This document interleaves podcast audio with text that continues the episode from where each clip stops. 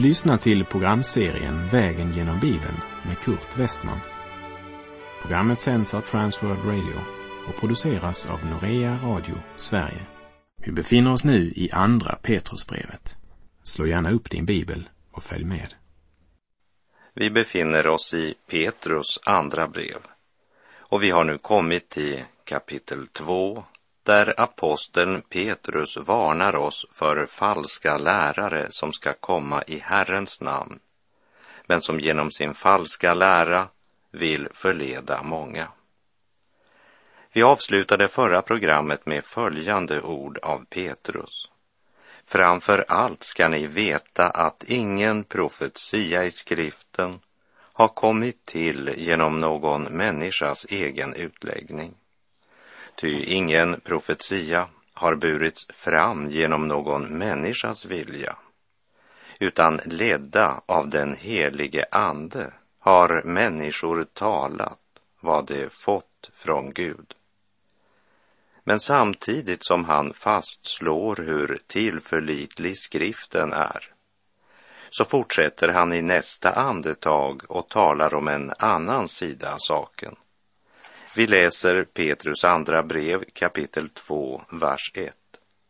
Men det fanns också falska profeter bland folket, liksom det bland er kommer att finnas falska lärare som smyger in förödande läror. Det ska till och med förneka den Herre som har friköpt dem och drar så plötsligt fördärv över sig.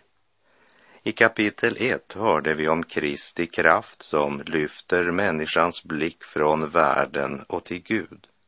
Men nu fokuserar Petrus på den kraft som drar neråt och gör människan jordbunden och världslig och drar henne bort från Guds ord.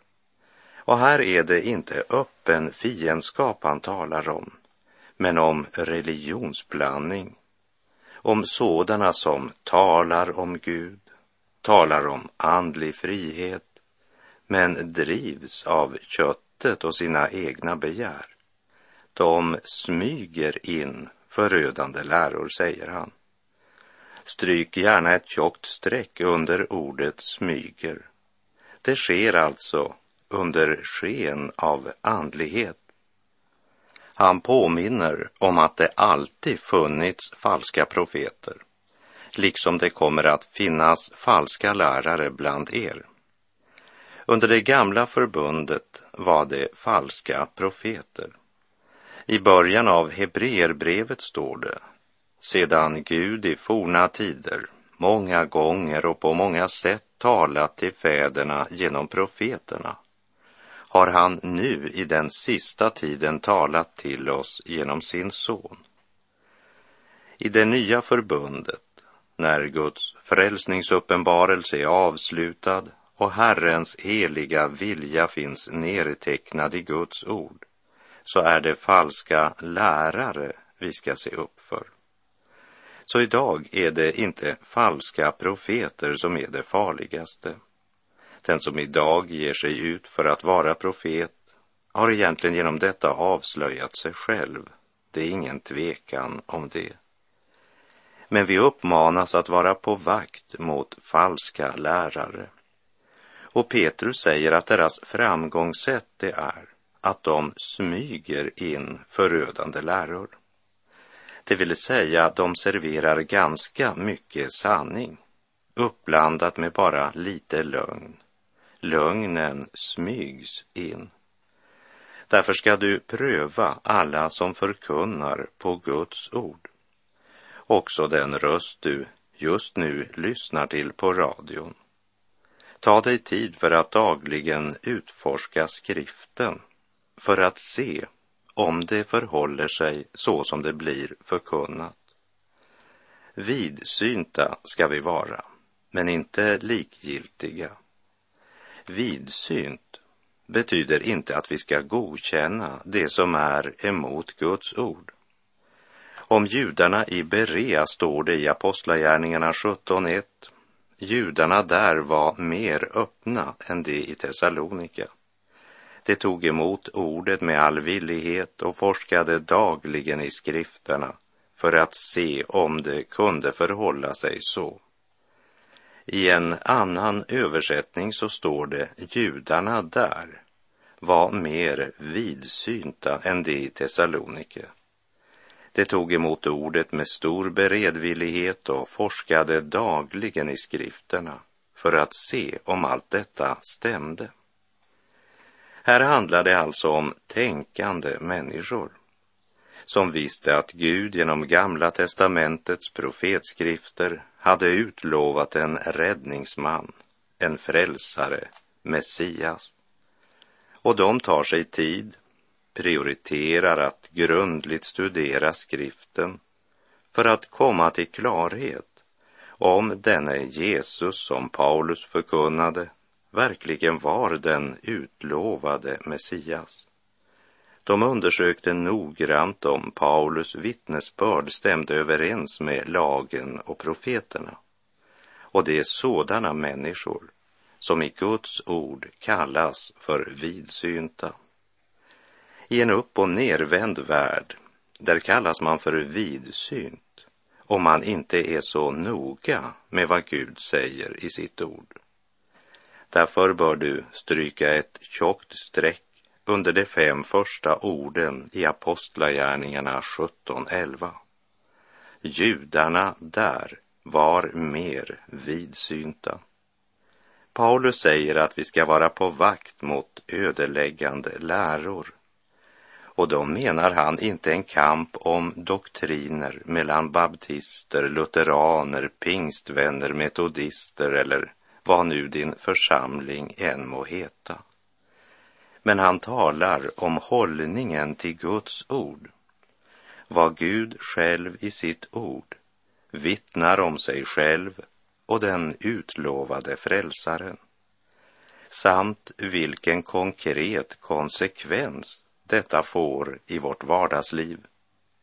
Det handlar om vad Gud själv vittnar och om Kristi sinnelag. Det är inte människan som ska sätta sig till domare över Guds ord. Det är Guds ord som ska döma och upprätta människan. Och Guds ord står fast när allting annat faller. I Lukas 21.33 säger Jesus, himmel och jord skall förgå, men mina ord skall aldrig förgå. Därför ska vi vara på vakt mot sådana som är drivna av köttet och försöker smyga in förödande läror som under andligt sken leder oss till kötslig frihet istället för till Guds fruktan.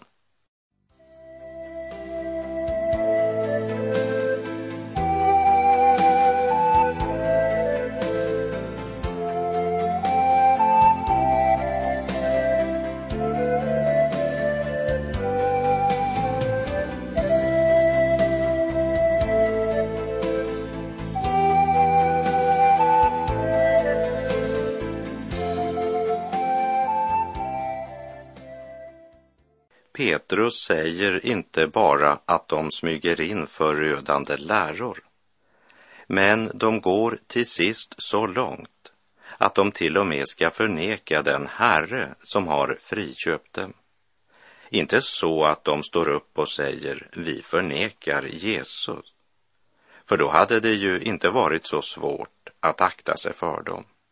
Men de ska tala om Jesus och förkunna från Guds ord på ett sådant sätt att det antingen leder till andligt högmod och kaxighet eller också till lösaktighet och utsvävningar. Kötslig frihet kallar de andlig frihet. Det handlar om sådana som känner sanningen eller i alla fall en gång har känt den men som medvetet tänjer sanningen av en eller annan orsak.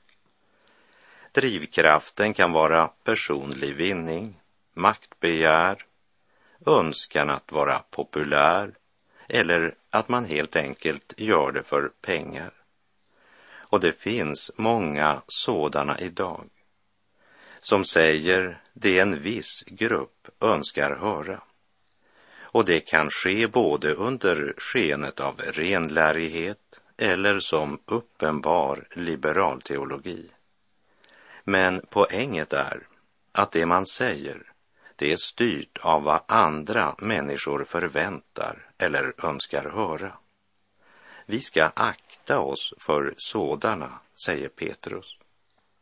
Låt oss inte förväxla dessa falska lärare med sådana som lär fel på en eller annan punkt av okunnighet eller uttalar ett eller annat som inte håller måttet. För det finns några stora gudsmän och reformatorer och fäder som vi har stor respekt för, men som också har sagt ting som vi inte i allt vill skriva under på idag. De menade att det var rätt det de gjorde. Men det betyder inte att de var falska lärare. Vi är alla ofullkomliga. Men det är själva grundhållningen Petrus talar om. Och jag tror att vi framför allt ska be om nåd att kunna se skillnaden mellan kaxighet och frimodighet. För andligt övermod, det är inte av Gud. Och stark högtalarvolym är inte detsamma som andlig kraft. Kaxighet och stora ord är inte Guds andes verk, liksom försagdhet, resignation och modlöshet inte heller är Guds andes verk. Men hur ska vi då finna vägen i allt detta?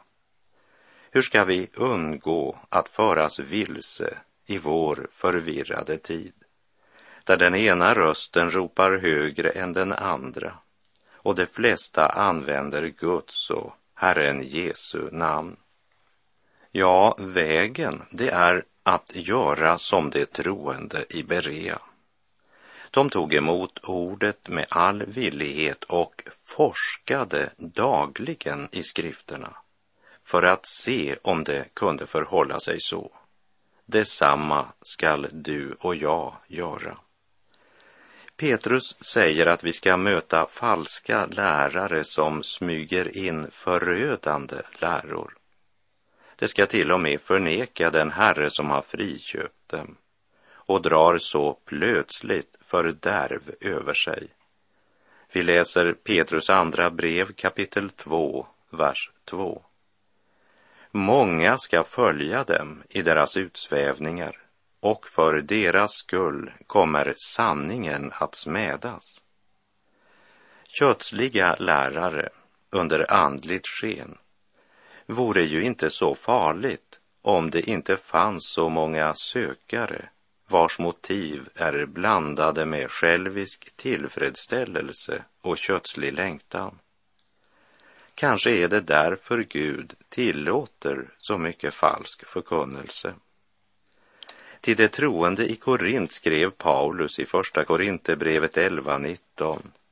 Partier måste finnas bland er för att det ska visa sig vilka det är som håller provet.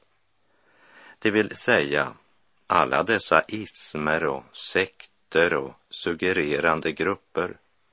De kommer att dra till sig alla dessa vars motiv egentligen är egoistiska. Men det får aldrig leda oss själva in i en falsk säkerhet, utan vi måste fråga oss, hur står det till med oss själva och vår församling? Lever vi andens nya liv eller följer vi bara ett spår? Pulserar den andliga kraften i vår gemenskap? Får den som kommer till vår gemenskap verkligen mat för sin själ? Stadfäster Gud sitt ord ibland oss? Har vi den andliga kraft som kan sätta en sökare i personlig förbindelse med levande Gud? Eller har allt bara blivit en form? Något vi gör därför att vi alltid har gjort det? Har predikan blivit andliga föredrag istället för pulserande vittnesbörd och mogen undervisning. För är det så, ja då ger vi ju inte sökarna något val. Om vi inte kan erbjuda äkta vara så är vi ju med och skapar marknad för surrogatet. När fåret inte får mat hoppar det över stängslet. Eller står kvar som ett uppstoppat får. Uppstoppade får verkar så lydiga. De gör aldrig fel, för de gör aldrig någonting. Och det är deras trygghet, för de tror att det är ödmjukhet. Vi är så eländiga och kan ingenting, säger de. De har inte förstått skillnaden mellan att vara fattig i anden och vara fattig på ande. Men det är inte andligt liv, utan bara falsk tröst. Och är bara diket på andra sidan vägen av det dike som heter andligt övermod eller av vägen som heter kötslig frihet och utsvävningar. Vägen till livet är smal och det är få som finner den. Andlig torka är inte bättre än andlig suggestion. Men många ska följa efter de herdar som lockar sina får till utsvävningar och för deras skull kommer sanningens väg att smädas. Men ett sant Guds barn vill inte vandra i den riktningen. Och Jesus själv uttrycker det så här i Johannes 10.27. Mina får lyssnar till min röst och jag känner dem och de följer mig.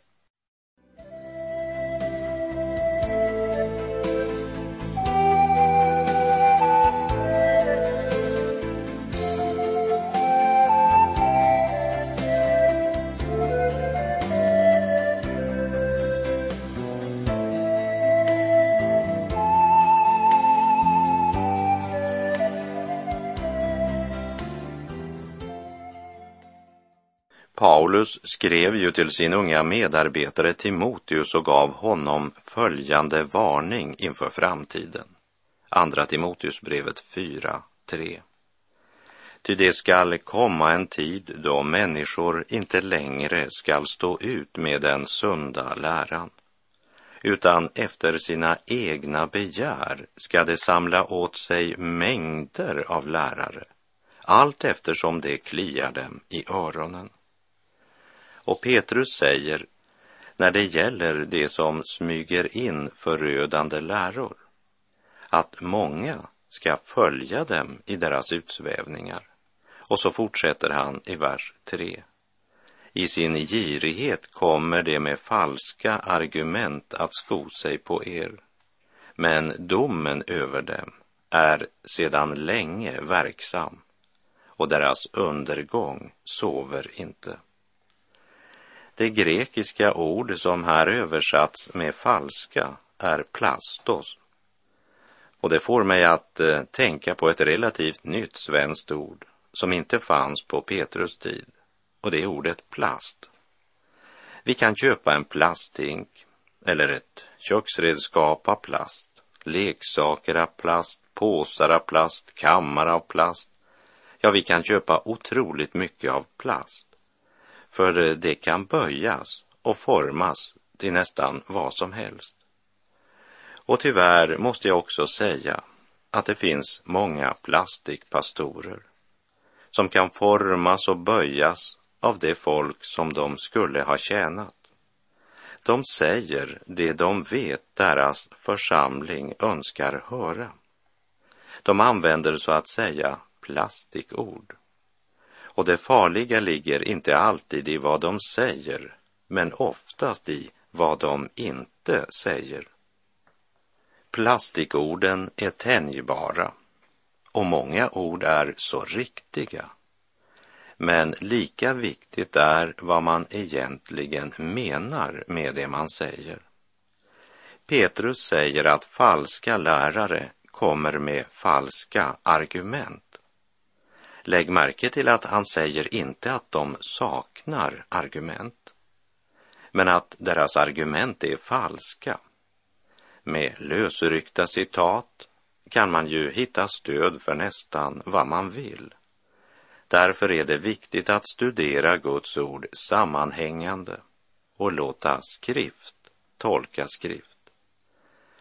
I sin girighet kommer det med falska argument, säger Petrus. Tänk, under sken av att tjäna Gud och sina medmänniskor försöker man på olika sätt utnyttja andra. Det är allvarligt. Man gör det för egen vinnings skull. Girigheten är drivkraften. Och i Bibel 2000 så är vers 3 översatt så här. I sin själviskhet ska de utnyttja er med hjälp av påhittade historier. Men domen som för länge sedan fällts över dem är i kraft och fördärvet lurar på dem. Guds dom vilar över deras liv, även om domen inte verkställts ännu. Mer än en har väl undrat varför Gud låter dem hållas så länge och varför det ser ut att gå så bra för många av dem.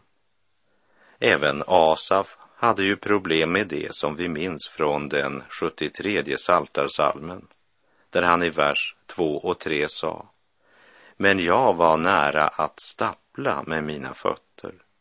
Mina steg var nära att slinta ty jag avundades det övermodiga när jag såg att det gick dem väl i deras ogudaktighet.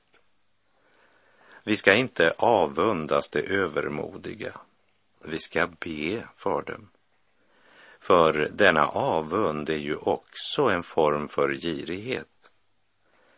Ibland så kan det se ut för oss som om Gud sover och inte bryr sig så mycket om de som förkunnar falsk lära och utnyttjar människor med hjälp av påhittade historier. Men Petrus säger att domen har för länge sedan fällts över dem. Därför ska vi överlåta domen åt Gud. Han alena avgör när deras stund ska komma. Petrus ger oss tre exempel på avfall från Gud som skett tidigare i historien. Änglarna som avföll och avfallet och ogudaktigheten på Noa tid och så städerna Sodom och Gomorra. Vi läser i Petrus andra brev kapitel 2, verserna 4 till och med 6. Ty Gud skonade inte de änglar som hade syndat, utan kastade dem i avgrunden och överlämnade dem åt mörker och kedjor för att de skulle hållas i förvar till domen. Han skonade inte heller den gamla världen, men bevarade Noa, rättfärdighetens förkunnare, tillsammans med sju andra när han lät floden stiga över det ogudaktigas värld. Städerna Sodom och Gomorra dömde han till undergång. Han lade dem i aska och gav så ett exempel på vad som skulle hända med det ogudaktiga. Synden förblindar människan och när hon minst har väntat det kommer Guds dom som en fruktansvärd överraskning. Precis som för Lots mågar, som vi minns från vår vandring genom Första Mosebok kapitel 19.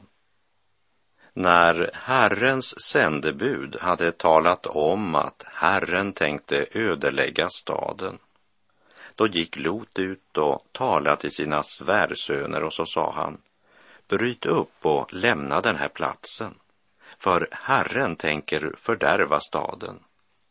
Men hans svärsöner trodde att han skämtade, står det. De trodde att Lot bara skämtade. Så är det också idag. det allvarliga budskapet, det kan man bara inte tro. Att leva mitt i Sodom, ett syndigt och ytligt liv och så ha en sorts tro på Gud. Det är så långt som de flesta kan sträcka sig.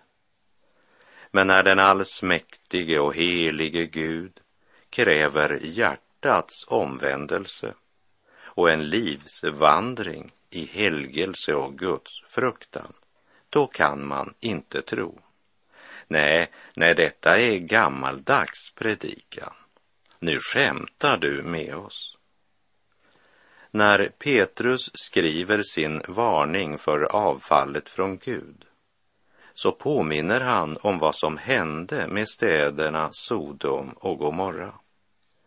Städerna Sodom och Gomorra dömde Gud till undergång. Han lade dem i aska och gav så ett exempel på vad som skulle hända det ogudaktiga.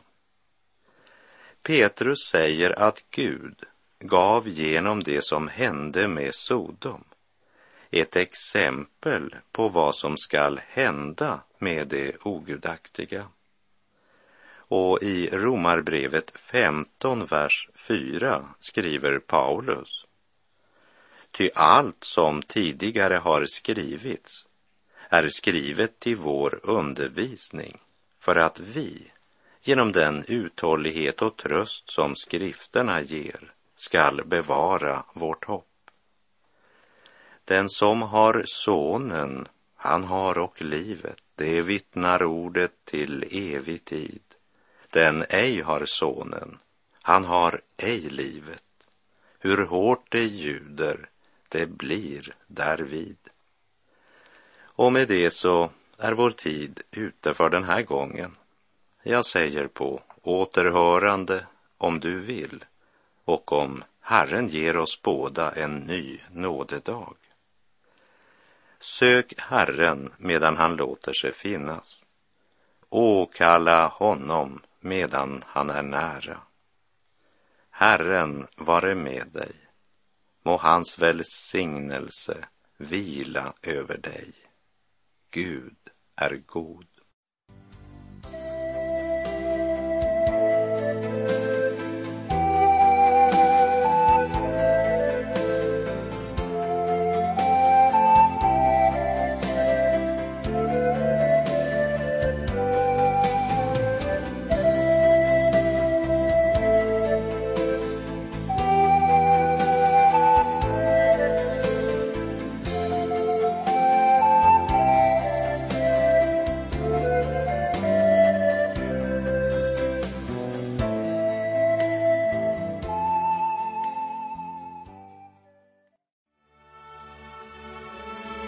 Du har lyssnat till programserien Vägen genom Bibeln med Kurt Westman som sänds av Transworld Radio. Programserien är producerad av Norea Radio Sverige. Om du önskar mer information om vårt radiomissionsarbete så skriv till Norea Radio Sverige, box 3419 103 68 Stockholm. Adressen är alltså Norea Radio Sverige box 3419. Postnumret 10368 Stockholm.